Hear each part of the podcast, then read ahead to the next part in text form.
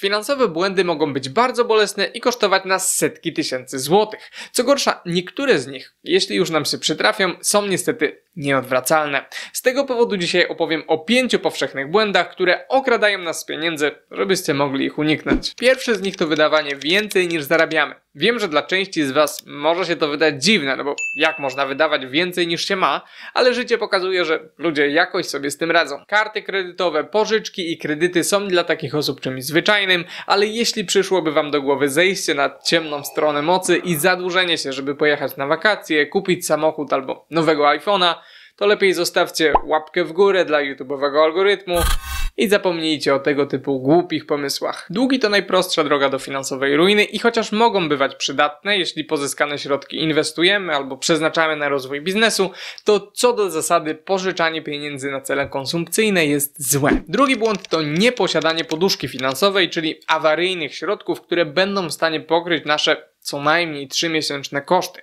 Jej zadaniem jest m.in. chronić nas przed błędem pierwszym, a więc trzymanie nas z dala od długów w razie jakichś awaryjnych sytuacji jak utrata pracy. Nieważne w jakim wieku jesteśmy, ile zarabiamy, ani jak duże są nasze koszty. Finansową poduszkę bezpieczeństwa ulokowaną w płynnych instrumentach jak obligacje skarbowe, inne waluty czy po prostu gotówka powinien mieć każdy.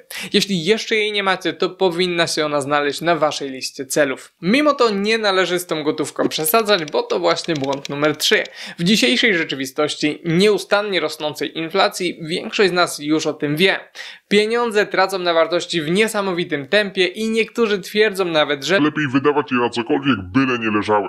No aż tak daleko bym się nie posuwał, ale zgadzam się, że nie należy trzymać większej ilości gotówki. Jednocześnie 2 czy 3 lata temu mało kto miał świadomość, że inflacja jest jakimś poważnym zagrożeniem dla naszych oszczędności. Prędzej czy później powinna ona jednak wrócić do normy i przypuszczam, że świadomość społeczeństwa również zacznie spadać. Nawet wtedy powinniśmy jednak pamiętać, że inflacja jest realnym zagrożeniem i nie należy trzymać zbyt dużo gotówki. Pozostaje więc pytanie, co z tymi pieniędzmi robić? Odpowiedzią będzie oczywiście inwestowanie i łączy się to bardzo ładnie z czwartym błędem, czyli zwlekaniem z inwestowaniem. Prawda jest taka, że to kiedy zaczniemy inwestować ma kolosalne znaczenie z punktu widzenia naszych potencjalnych zysków, za co odpowiedzialny jest procent składany. To efekt kuli śnieżnej, kiedy to nasze odsetki generują odsetki, które generują kolejne odsetki, które generują kolejne odsetki, które Wiecie o co chodzi. Zanim się obejrzycie, jesteście prawie tak bogaci jak Elon Musk. Zerknijmy na przykład. Inwestując 100 zł miesięcznie, zaczynając w wieku 20 lat, zakładając 8% stopę zwrotu, w wieku 65 lat będziecie dysponować kwotą przekraczającą 500 tysięcy złotych. Jeśli poczekacie jedynie 5 lat i zaczniecie inwestować w wieku 25, przechodząc na emeryturę na koncie zobaczycie tylko 350 tysięcy.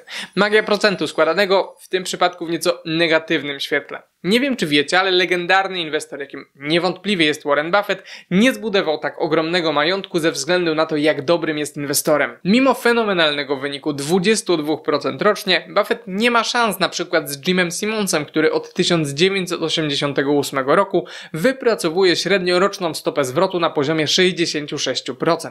Różnica jest jednak taka, że Buffett zaczął inwestować w wieku 11 lat i robił to nieprzerwanie przez kolejne 80. Spora część osób nie żyje tak długo jak Buffett jest obecny na rynkach finansowych. Z 96 miliardów dolarów, które są majątkiem Buffetta, 95,6 zgromadził on po swoich 50 urodzinach. Gdyby Warren Buffett postępował jak wiele bardziej normalnych osób i do 30 eksperymentował i szukał swojej drogi, a więc zaczął inwestować w 30 urodziny i skończył w wieku 60 lat, żeby mieć więcej czasu na granie w golfa, mimo umiejętności i tej fantastycznej stopy zwrotu, na koncie miałby co najwyżej kilkanaście milionów. Mam nadzieję, że te przykłady zachęciły Was do rozpoczęcia inwestowania jak najwcześniej. Nie wolno jednak zapomnieć o kolejnym błędzie, czyli inwestowaniu w coś, czego się nie rozumie.